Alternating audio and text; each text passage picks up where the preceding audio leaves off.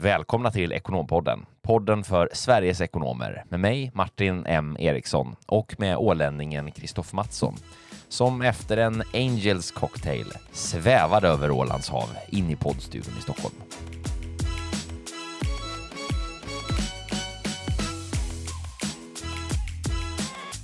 Ja du Kristoffer, en Angels cocktail. Vad, berätta, vad, vad är det och hur kommer det sig att man svävar över Ålands hav? Ja, nej men det var ju faktiskt, eh, det är ju David eh, Phillips, eller David J.P. Phillips som har myntat begreppet och som vi träffade på ekonomi och företagsmässan när vi var där och föreläste och, och han hade jättemycket bra grejer att, att säga just om det här med hur du kan fylla din cocktail då antingen som en Devils cocktail eller en Angels cocktail beroende lite på vilken typ av eh, känslor som du vill att ska väckas inom dig då. Ja men, eh, ja, när du kommer hem efter en jobbig arbetsdag och livet smakar skit, eh, hur kan du vara närvarande när du kommer hem till barn och familj och, och annat? Och, ja, kort och gott egentligen hur olika typer av aktiviteter kan eh, ja, men ändra hur din kropp beter sig, alltså dopamin, oxytocin, serotonin och, och allt möjligt sådant, hur du kan öka nivåerna av det genom att till exempel titta på olika typer av filmer, ta en kalldusch på morgonen, eh, ja, allt möjligt sånt spännande. Jätte, jätte, jättespännande mm, föreläsning och, och, vi kommer ha förmånen, hoppas vi, att få till ett avsnitt här med honom, med David, i eh, senare i höst. Han har en väldigt busy kalender så vi hoppas bara få till den här inspelningsdagen, så det vill ni inte missa. Och eh, för de som är nyfikna att redan nu kika in det här så har han skrivit en väldigt, väldigt bra bok om detta också då, sex substanser som kommer att förändra ditt liv och den är väldigt, väldigt bra.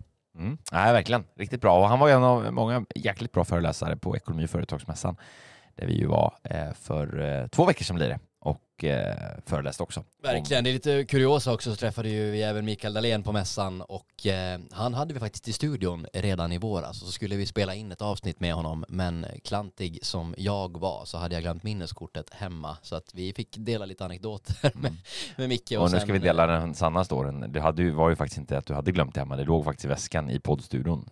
Problemet Precis. var ju att då hade du lämnat studion för att åka och hämta minneskortet. Alltså då stod jag på en skoter och var på, på väg efter minneskortet, men då låg alltså minneskortet bredvid inspelningsapparaten tillsammans med dig och eh, ja. Micke.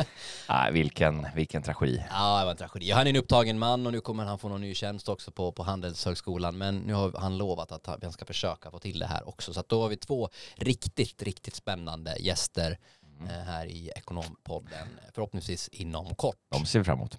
Ja men så exakt, det var det väldigt eh, trevliga mässdagar, mycket inspiration och mycket spännande möten och eh, vi höll ju två föreläsningar, en, en CFO-panel, diskussion, paneldebatt med om förändringsledning och krishantering och sen då den här eh, föreläsningen tillsammans med Carl Stiller, en av våra konsulter om digital transformation och förändringsledning. Så var det många som tyckte att det här var jäkligt bra och ville att vi skulle göra ett avsnitt om det. Så tänkte jag, men då gör vi det så kan man ha det förevigat även i lurarna. Och sen eh, Martin behöver du och jag krypa till korset här också. Vi har egentligen frångått vår plan att släppa varannan vecka avsnitt Ekonompodden. Vi kryper till korset med, eh, med en nässpray och en eh, Alvedon. Ja men det gör vi. Det var, det var lite sjukstuga här eh, i veckan eller förra veckan. Eh, ja, det var både, det. både du och jag, du var ännu lite sämre däran och låg i feber och allt möjligt. Så det, det är vi hemskt ledsna över. Det ska förhoppningsvis inte upprepas. Nej men vi brukar ju ligga rätt bra i fasen med våra avsnitt men den här gången gjorde vi inte det och så synergerade det med att vi båda var dåliga och sådär. Så att, så vi är mänskliga nej, vi också. Så är det, det, det är vi. Det men du, vet du vad jag har gjort när jag pinade till och kryade till? Mm, ja, vad tänker jag du på Jag var på museum, Stockholms stadsmuseum ja, faktiskt, ja. på Söder, äh, där vid Slussen. Så och, du har blivit kulturell? Jajamän, jajamän. En kulturell Kristoffer Mattsson i Ekonompodden. Äh, fantastiskt. Vet du vad jag fick lära mig där? Berätta mer. Ganska många saker, men jag fick lära mig att ja, var det, tidigt 1700-tal så var det nästan en tredjedel av den svenska befolkningen som gick bort i pesten. Det är fruktansvärt mycket. Um, Usch. Mm, usch. Pesten. Hemskt som pesten. Ja, hemskt som pesten. Eh, men det är det inte när man sitter här i poddstudion en fredag eftermiddag och snart får klonka upp en flaska rödvin. Jag känner mig riktigt laddad inför helg nu. Ja, vad härligt. Det är jag faktiskt jag också. Det ska bli riktigt nice. Och lite återhämtning efter denna vecka. Det var ju eh, var lite, var lite körigt här efter man har varit sjuk och så har man lite backlog och allting så krigar man på. Men, äh, men det ska bli nice. Och äh, för egen del så ska jag ägna helgen faktiskt åt att förbereda två stycken middagar Det är jätteroligt som jag ska göra här om Just två det. veckor. Berätta om ditt nya koncept Martin. Man kan ju faktiskt numera anlita Mästerkocken, men eh, till vilket ändamål då? Exakt, Nej, men jag funderade ju faktiskt väldigt många år på det här med vad ska jag göra med mitt matintresse? I och med att jag tycker att det är så himla roligt med, med matlagning som du vet och ehm, har ju fått många förslag, men skriv en kokbok, skaffa till, starta ett instakonto, eh, ska du inte bli hyrkock, du, ja, massa. Och tiden är begränsad eh, och jag vill bara göra det absolut roligaste med det. Och då kom jag på, tyckte jag själv då, den geniala idén eh, här för några veckor sedan att men jag skulle börja göra hemma hos-middagar. Det vill säga konceptet är att du till exempel Kristoffer... Allåta hos Martin. Ja, men exakt, fast då hemma hos dig, fast jag kommer till dig. Låt säga att du då bjuder in en, eh, till en middag hem till dig, eh, ett, ett sällskap personer som, som du vill ha en trevlig kväll med. Och då är ju upplägget och konceptet att då jag kommer hem till dig, har med alla råvaror, fixat en del prepp innan och sen gör vi någon matlagningsaktivitet tillsammans. Där ledstjärnan egentligen för det här då är dels... Ett plus ett är tre. Ja, men ett plus ett är tre, men det är det är dels då gemenskap, att det blir en rolig aktivitet där alla får laga mat tillsammans. Det ska vara ett, ett lärandeinslag i det här, att det är någonting, man får lära sig någonting nytt om, om, om matlagning också. Då. Och sen också då såklart att det blir en, en ganska eh, rolig och, och trivsam eh, tillställning på det sättet. Så att eh, jag skickar då den här eh, idébeskrivningen till, till eh, Frida och Amanda, ett par kompisar, och, och båda reagerade och sa att det var en superbra idé. Och sen så ställer de ju också då frågan, kan du den här dagen? Så att jag har fått, och nu har jag även fått en tredje bokning, så jag har fått mina tre första bokningar bara redan. Gratulerar, tycker Ja, konceptet låter fantastiskt. Och nu, eh, nu spänner du verkligen bågen här för mm, det kommer säkert hela, alla Sveriges ekonomer vilja anlita dig för det här hemkockeriet. Ja, men alltså det är en ganska rolig grej liksom. Tänk själv att man hostar en middag, men att man slipper att göra både förberedelserna och preppen inför matlagningen, likväl som att man då eh, ja, men får, får, får det guidat så att säga eh, av någon annan och att det blir en ganska kul grej. Så jag har fått lite önskemål om teman och sådär, så att det, i helgen ska det bli lite förberedelser inför det här. Det ska bli riktigt skoj.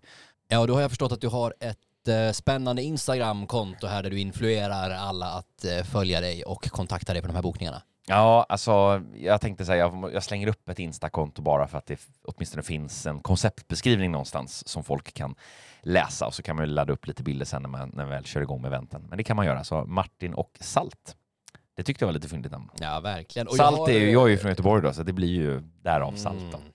Jag har en annan idé. Om du skulle vilja liksom utveckla det här konceptet ännu mer, så istället då för det här eh, Halv åtta hos mig-programmet som går med den här eh, berättarrösten som beskriver när de går ut och kikar i allas eh, lådor och lyfter under eh, garderobsgrejerna och, och sådär, så skulle jag kunna vara den personen om det här börjar sändas på tv sen som pratar om hur det går på middagen. Ja, det, jag älskar att du tänker sända på tv redan, det är fantastiskt. Ja, men det, det är ju, tanken är att göra det för att det är roligt, men eh, alla förfrågningar är välkomna så tar vi det därefter. Men eh, det, det ska bli roligt, jag är taggad. Det känns som en rolig, en rolig liten hobbygrej att köra. Nej men det låter ju som en hållbar affärsidé, Martin. Ja, eller hobbyprojekt eh, slash eh, affärsidé. Eh, och apropå hållbart så ska ju vi faktiskt här, för er som är nyfikna på just hållbart eh, företagande och hållbara ekonomer, så har vi eh, ett jättespännande förmiddagsevent som vi eh, ska föreläsa på, jag och Kristoffer, eh, den 16 november om hållbarhet och datadriven kultur Eh, tillsammans med eh, vårt partnerföretag Greenstep som vi jobbar tillsammans med. Precis, så det kommer vara härlig frukost, eh, posthuset på Vasagatan eh, och jag tror att vi ska försöka få en livesändning på det här också så vi skickar länk här nere i beskrivningen så hoppas vi att vi ses där, alltså lite datadriven kultur och hållbart företagande. Vi har kört det här på Åland och i Norrköping eh, och det har varit väldigt, väldigt lyckat och nu önskades det att vi skulle köra det i Stockholm också. Så det blir väldigt, väldigt roligt. Men idag ska vi alltså prata om eh, digital transformation och hur man driver igenom det automationsprojektet med framgång då. Vi har ju tagit inspiration från den föreläsningen vi höll på Ekonomi och företagsmässan. Tyvärr då har vi inte Carl Stiller med oss idag, men vi ska göra vårt bästa för att eh, redogöra lite för vilka fallgropar som det finns och som man kan för, eller hur man kan föregå dem och vilka är framgångsfaktorerna. Ja, är jättespännande ämne just. Det var väldig uppslutning på Ekonomi och företagsmässan på, på det här ämnet när vi, när vi var där och föreläste om det tillsammans med Karl. Verkligen. Det, det är, men det, man märker att det är ett ämne som berör typ egentligen nästan alla känns det som, är ju påverkade och präglade av de här förändringsprojekten. Ja men så är det, det är ju liksom, det är förändring, det är automation, det är digitalisering, det är det enda vi hör, men hur ska man faktiskt genomföra det här praktiskt och när är rätt tidpunkt att starta projektet? Vem är det, vem är det som initierar projektet? Vilka drivare finns det? Varför är det så jäkla komplext? Eh, hur, eh, hur påverkar det när man kanske har väldigt mycket liksom förändringsbenägenhet och man vill göra någonting, man kanske inte har mandat eller man har buy-in från ledning. Ja, det är väldigt, väldigt, väldigt mycket spännande som vi kan prata om det här. Ja, om vi börjar någonstans och bena ut begreppet. Vi har ju pratat om det här väldigt mycket tidigare också inom ramen för våra avsnitt. Vi har bland annat haft Robert Källqvist tidigare och gästat oss och pratat om Eh, hur man jobbar och implementerar ett affärssystem. Eh, då då han besökte oss från Aro eh, och vi har haft lite på, på temat tidigare beteendeförändring och alla de här bitarna och framtidens ekonom är en IT-ekonom och det är ju på tapeten det här nu automation, digitalisering, effektivisering men om vi börjar försöka reda ut begreppet då, vad är automatisering och vad är finance transformation? Mm, men automatisering är ju väl ganska som det låter med målsättningen att förbättra och effektivisera då, eh, processer och det kan ju vara effektiviteten i det, riskminimering, att vi går från manuellt till automatiserat, eh, förbättra precisionen eh, i, i, i det då. och det kan ju ligga på olika håll och kanter. Det kan ju vara processautomatisering, alltså att man går från manuella rutiner till automatiserade sådana. Det kan vara inom ramen av, av rena IT-system som man implementerar då. Um, och, sen har vi det här begreppet of finance transformation som, som ju är den delen av, av, eh, av automatisering eh, som då är inom finansorganisationen. Men där har vi ett begrepp som är inte finance automation utan finance transformation.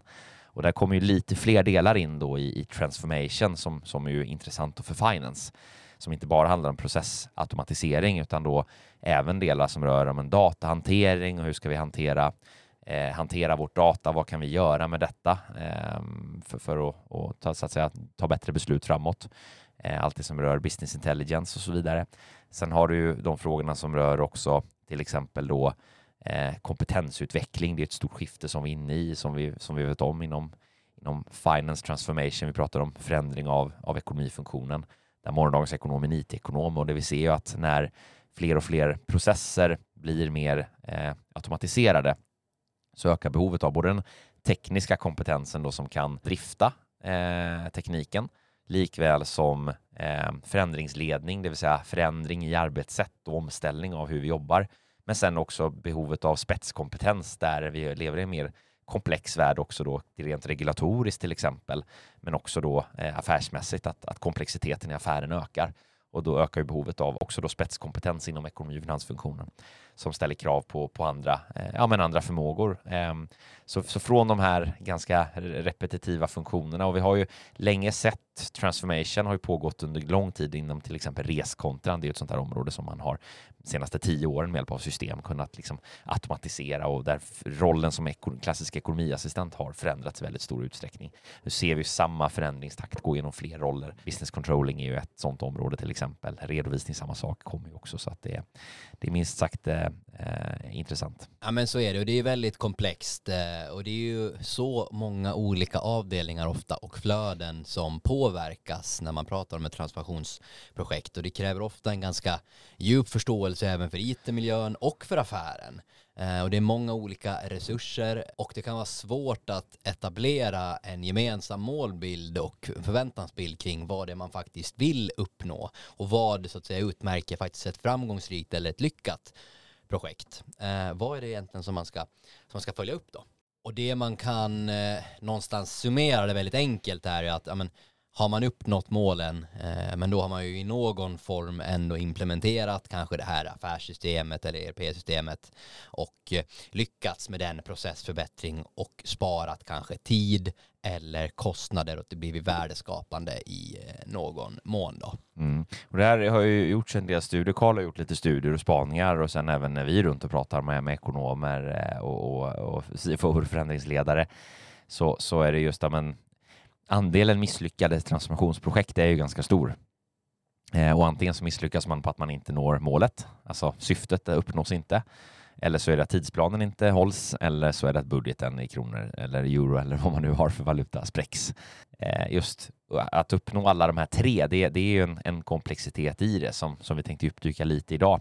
Vi kan kolla lite vad som driver eh, komplexiteten också då, alltså vad är det som gör det? Och tittar vi på skillnaden till exempel mellan ett vanligt projekt och ett transformationsprojekt så är det ju också så att sällan finns alla svar på ett ställe det finns ingen som vet allt, utan det är så extremt många intressenter och, eh, och eh, informationskällor och människor som påverkas av det och, som är del av förändringen. Så att eh, lösningen finns liksom inte på ett ställe heller man kan gå in och förändra, utan det är så väldigt, väldigt omfattande. Det är både teknik och människor som, som är inblandade på, på väldigt många håll och kanter. Ja, men om det här nu är så komplext och det är så många som är involverade och många som vet att det här är någonting som behöver göras. Målet är ju då kanske att frigöra tid, eh, implementera den här tekniken så att man kan minska den manuella faktorn och, och eh, ja, spara både tid och pengar helt enkelt. Då är ju frågan hur ett projekt startas. Vem är det som initierar projekten? Och, ja, men, det vanliga är väl kanske att en idé föds någonstans i verksamheten. Det kan ju vara någon som har eh, sett någonting på YouTube, någon som har hört någonting av någon annan eh, kollega eller i något nätverk eller man har varit inne och jobbat med ChatGPT. Eh, trender inom näringslivet, vi är ju som vi varit inne på tidigare, det finns ju jättemycket regulatoriska och makrotrender som driver den här utvecklingen. Du har blockchain och du har allt möjligt annat spännande. Det kan komma in en ny chef eller nya ägare som tycker att det här var mm. best practice, så här gjorde vi innan. Eh, man vill på något sätt optimera verksamheten eh, eller då vi har vissa riskaspekter som vi behöver kunna ta hänsyn till. Hur ska vi kunna förebygga då, dem? Vi växer så pass mycket så att organisationen förändras så att vi är tvungna att göra den här, eh, den här förändringen. Eller vi behöver bara se över liksom kultur, arbetsmiljö och, och, och, och annat. Och det som är ganska utmanande i det här är att det är så många olika eh, påverkare innan kanske beslutet fattas då högst upp i, i ledningsgruppen. Så säg då till exempel att någon på golvet har fått en idé att men det här borde vi, borde vi göra. Så kanske man framför det till sin närmsta chef eller bollar det med, med närmsta kollegan som då ska tolka detta Eh, tolka problemet, tolka hur man potentiellt vill lösa det och vad eventuellt resultatet skulle kunna bli det. Och den då kanske mellan chefen eller kollegan eller vad det nu än må vara kanske då i sin tur eh, skall lämna de här synpunkterna eller tolka det till då kanske en vd-ledningsgrupp eller liknande och kanske sen upp till styrelsen för att få ett okej okay på att göra det här. Och det här låter ganska risk riskabelt eh, när det redan börjar bli någon form av viskningslek. Man kan ha tappat ganska mycket information redan där på, på vägen, vad det är faktiskt det vi vill uppnå. Mm, ja men exakt. Så där pratar vi ju lite om eh, just vikten av eh, för förstudier. Pratar de generellt om förstudier inför ett, ett projekt. Men för förstudier kopplat till då att eh, överhuvudtaget definiera skopet för vad vill vi uppnå för resultat? Alltså vad är det grundläggande någonstans syftet med det här? Vad är egentligen problemet vi försöker lösa? Det krävs att, att identifiera en samsyn kring det här. Om du har någon i verksamheten som upplever på en ekonomiavdelning någonting och sen har du beslut som ska fattas uppe på, på ledningsnivå eller rent av styrelsenivå kan det vara på den här typen av frågor där faktiskt besluten ska fattas om, om sådana här stora inköp. Det kan eh, ofta vara eh, över då vds budget faktiskt så att det blir en styrelsefråga eh, med de här besluten. Precis, så. vem ska involveras och, och, det är ju intressant det här. Man har ju hört om många misslyckade projekt där man till exempel ska gå in och man implementera ett nytt eh, system för inläsning av eh, och digitalisering av, av leverantörskontra och sen så har man inte ens intervjuat de personerna som faktiskt påverkas av den här förändringen eller begärt om deras input kring vilka problem är det vi har och hur vill vi lösa dem och vad är den önskvärda målbilden, vilket ju egentligen är helt sinnessjukt eh, att man inte gör den då ordentliga för, för, för studien. Men det är en väldigt, väldigt vanlig sån här fallgrop då, eh, att man inte har kartlagt det på, på, mm, på ett korrekt sätt. Vi kan kolla lite på också eh, de, de områdena som då gör att ett sånt här transformationsprojekt misslyckas. Och det som återkommer lite grann då i både Karls undersökning, eh, men också när vi är ute och pratar, pratar som sagt med, med systemvetare och CFOer och andra som sitter i den här typen av projekt och även vissa systemleverantörer som instämmer i bilden så är det ju en eh, ibland väldigt hög komplexitet som vi var inne på. Eh, att man inte har hanterat den komplexiteten helt enkelt. Man har inte förstått den och, och, och eh, är inte medveten om den när man går in i det, vilket gör att man inte går in med de resurserna som krävs eller eh, med de förberedelserna som krävs. Eh, projektledning är ju någonting som vi pratar mycket om och, och, dålig eller bristande projektledning med tanke på den här komplexiteten att det är så väldigt många stakeholders i det så, så blir vikten av eh, av en, en, en, bra projektledning. Den är central. Så dålig projektledning är en. Bristande buy-in från chefer eller andra stakeholders i organisationen, att man inte förstår helt enkelt varför man, man köper inte in på, på projektet. Och eh, det får ju sig en, en del eh, följdeffekter såklart då, och, och eh, kan skapa osäkerhet och oklarhet och, och sådär. En annan är ju kanske för aggressiva tidsplaner eller felplanerad timing. Man, man helt enkelt underskattat eh, omfattningen i relation till, till eh, den tid som det kommer att, att ta, då, eh, vilket, vilket också kan få, kan få påverkan. För att bryta ut de här komponenterna då, Kristoffer, vi kan väl titta lite på dem var och en för sig och hur man kan föregå och lyckas lösa det på ett bra sätt. Då. Ehm, ska vi börja lite grann med timingfrågan? Det här ju eh, både kanske handlar om, om projektets längd, men också lite grann eh, avseende då eh, när på året man initierar och kör de här projekten. Ja, vi alla ekonomer vet ju att det är ofta ganska hektiskt och årshjulet på en ekonomiavdelning, ja, när tusan ska man hinna göra allting. Vi börjar med januari och då har vi liksom ett årsbokslut. Eh, vi har eh, sportlov i februari, vi har revision i mars. Sen kommer påsken och lönerevisionen. Sen har vi prognoser och bolagsstämma i maj och sen kommer skolavslutningar och semestrarna börjar i juni, juli.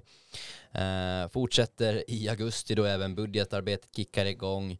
Vi har september Eh, vi har höstlov i oktober. Ja, ni hör ju själva, det är väldigt, väldigt utmanande att få till det här. Eh, och eh, ofta då så har man en ganska optimistisk syn på projektets längd. Du pratar om det här med aggressiva tidsplaner. Kanske flera pågående och prioriterade projekt. Hur ska man prioritera? När ska man göra vad? Vad är viktigast och hur lång tid tar det? Hur kanske mycket operativt kommer det här ta från oss när vi driver det här projektet eh, sidordnat? Ja, men vad kommer det innebära för den faktiska leveransen som ska göras i det här års, årshjulet när månadsbokslut och när controllers gör eh, bokslut, eller mm, budget eller vad det nu än kan tänkas vara då.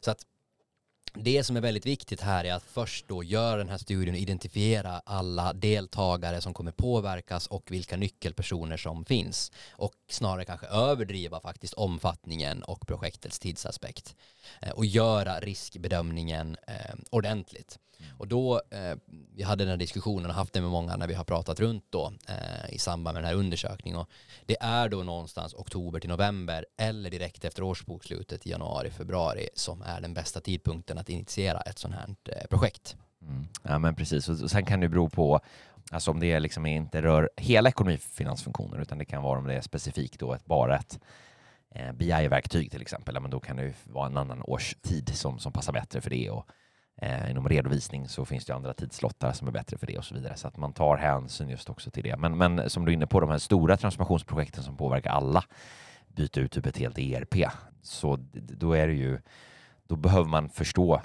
när man går live med vilken del och, och, när man gör förstudier med vilken del i det och så vidare och när då folk har tid faktiskt. Men gyllene medelvägen då man ändå behöver välja för då en, en ett normalt inom citationstecken, ett vanligt företag så, så landar vi det. Men eh, oktober, november där eller strax efter årsskiftet. Ja men bra, då har vi lite funderat kring när man ska göra det här och vi har tidigare också konstaterat att det är väldigt komplext, det är svårt att planera, det kan vara så att kunskap också saknas inom organisationer. Och vi nämnde tidigare också då att det vanligt är att man kan ha problem med buy-in. Har man mandat att driva igenom den här förändringen? Har man verkligen det från vd, chef eller ledning? Har man engagemanget eller entusiasmen att driva igenom det här? Vad är business caset? Har man gjort förstudien? Är det tydligt vart man ska om man vill? Har man de tekniska resurserna som faktiskt krävs för att genomföra ett sådant här projekt? Eh, man kanske inte har de här incitaments eller belöningsmodellerna, firar liksom delmålen, hur ska vi komma, hur ska vi motivera, hur ska vi dra igång? Ledningen kanske byts ut, man har haft buy-in, men ledningen eller vd eller styrelse, den som har varit frontfiguren för det här, gör någonting annat. Man kanske saknar engagemang där förändringen faktiskt skall ske, men det är någon annan som tycker att det här är jätte, jätteviktigt, mm. men man man har inte fått dem på golvet faktiskt att förstå det. Nej, det är ett jättevanligt eh, misstag i större organisationer att när du gör en förändring som påverkar en stor andel medarbetares vardag så kan det ju finnas sådana som är helt av rädda för att men vad ska hända med mitt jobb när det här är gjort? Eh, som ska effektivisera det här med flödena och får jag ens vara kvar och så vidare. Så att det vill ju till att verkligen, eh, verkligen hantera den typen av frågeställningar. Verkligen, och en, en studie som faktiskt Karl gjorde inför den här eh, dragningen så kom han fram till att nästan hälften av alla de tillfrågade så var det vanligaste förekommande där avsaknad av buy-in faktiskt fanns var för hos den närmsta eh, chefen. Eh, vilket ju är rätt galet egentligen och det kan ju bli ganska utmanande då att faktiskt gå till sin närmsta chef och säga vet du vad nu, nu, eh, nu, har du, nu har du inte gjort ditt jobb här. Nu är det du som behöver liksom ganska upp till så att det kan komma framåt i det här projektet. Mm. Eh, och det är ju inte alla som är mogna kanske och vill ta den, eh, ta den diskussionen. Mm. Ja, och så har vi det här vikten av en duktig projektledare eller vikten av duktig eller bra projektledning. Eh, Martin, är du en skicklig projektledare? Ja, men jag tycker projektledning är rätt kul som fenomen. Eh, fenomen säger jag därför att det är så komplicerat. Det rör så väldigt många beståndsdelar som en duktig projektledare behöver ha. Ehm, um, jag, jag har väl förmågan, men jag ska inte påstå att det kanske är det roligaste jag vet att hålla på med projektledning. Men, men jag kan tvinga mig till om jag, om jag, är, om jag måste. Eh, men det finns många andra duktiga projektledare som älskar och brinner för det och tycker att det är otroligt roligt. Men vi tittar lite där på, på bakgrunden. Vi pratar om det med, med bristande eller felaktig projektledning och vad, vad är definitionen av det? Men först och främst definitionen av vad, vad är en bra projektledare då? Vad är det vi vill åt i projektledningen? Och det är ju primärt inte en person som ska vara den som har bäst kompetens i själva förändringen eller i systemet eller i, i, i verksamheten, utan det vi vill uppnå med projektledningen, det är ju en person som ansvarar för att ha definierat tydligt då eh, målbilden och avgränsningar för projektet som har en etablerad eh, tidsplan som man säkerställer att, att den hålls och milstolpar i den här tidsplanen hålls. Fördelning av, av eh, och tillsättning av resurser och sköter uppföljningen av alla, alla resurser som är inblandade i projektet i någon form.